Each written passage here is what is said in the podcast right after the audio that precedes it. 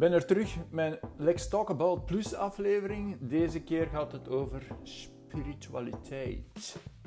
Als ik iets interessants tegenkom, dan wil ik het met je delen. Zo ook nu weer, naar aanleiding van een podcast van de Eindbazen, waarin de spirituele guru Jan Heurs gast was. De maakt.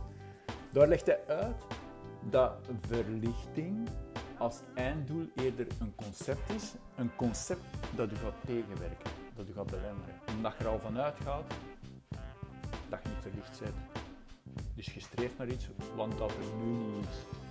Hierbij viel mijn mond al open. Iedereen wil gelukkig zijn en uh, niet lijden. Tot zover, nou, dat vind ik duidelijk. Het begint bij die oerdriften, overleven. Uw oerbrein, hier van achter, die wil veiligheid, eten, drinken en voortplanten. Uw mensenbrein wil als die oervoorwaarden voldaan zijn, gelukkig zijn. En that's it. Nu, de vraag is, welke methodes ga je gebruiken om dat lijden of die pijn te voorkomen of te beëindigen? Dus ofwel ga je eten, drinken, roken, sporten, zoveel mogelijk plezier maken. Vul maar zelf in, hè, wat dat voor u van pas is. Nu opgepast, zegt Jan Geurt. Een strategie om gelukkiger te worden kan ook contraproductief werken. Dus als we dat lijstje van hierboven, of dat ik juist afgegaan heb, dan zie je ook een verslavingspatroon, een soort zelftherapie bij eten, drinken, roken, sporten en maar ook plezier maken. En dat allemaal om niet te lijden.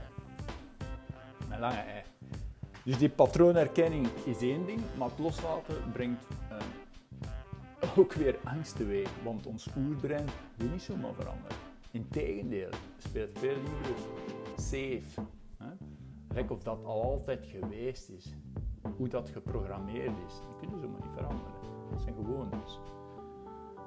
Vandaar dat spiritueel werk angsten uh, laat verwerken. Dan meer dan veel mensen oeh, woe, woe vinden, hè, spiritueel werk. Dat zijn, ook hier is die obstacle, de wij, in plaats van het weg te duwen, om het niet te voelen, zou het eigenlijk best zou er baat bij hebben om, om het te omarmen.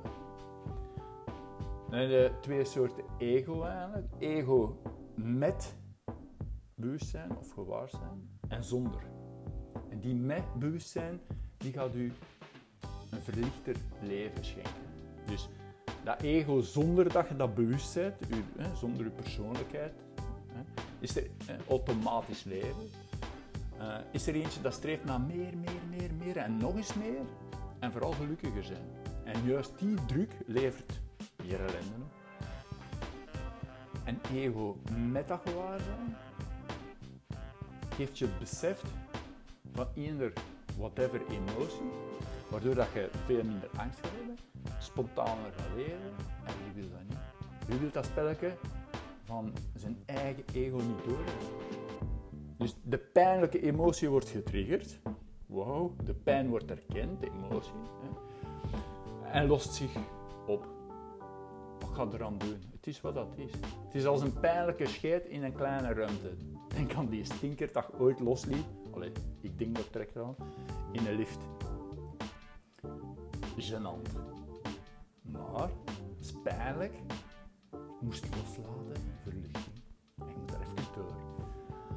Door aan bepaalde gedachten niet te willen denken, gaat ze juist meer en meer versterken. Gaat er meer en meer aan denken. Mensen die mij kennen, die weten dat ik ooit een 21 dagen challenge gedaan heb van niet klagen, zagen. Wel, dat is, dat is niet goed afgelopen. Ik moest elke dag minstens één keer dat pannetje van linker naar rechterhand, iedere keer als klaagde moest ik dat bewust van zijn en dan naar een andere pols van me brengen. Nu, dat was een obsessie eigenlijk. Want ik was ineens veel te streng en ik ging mijn eigen veroordelen. Dat is zoiets. Obsessie is het gevolg van veroordelen. Meestal een veroordeling naar jezelf. Door wat dan ook te onderdrukken, en ik, hè, bijvoorbeeld een verslaving, door dat te onderdrukken, hè, als je een vreemd gaat drinken, internet, Instagram, dwanmatige porno kijken, als je dat gaat veroordelen gaat, of onderdrukken, gaat dat alleen sterker maken. Op een dag, bam, knalt dat eruit. Dan vind je. Ik weet, ah ja, maat, eh, drinken is niet gezond, man, man, man, ik zou het beter niet doen, bla bla bla.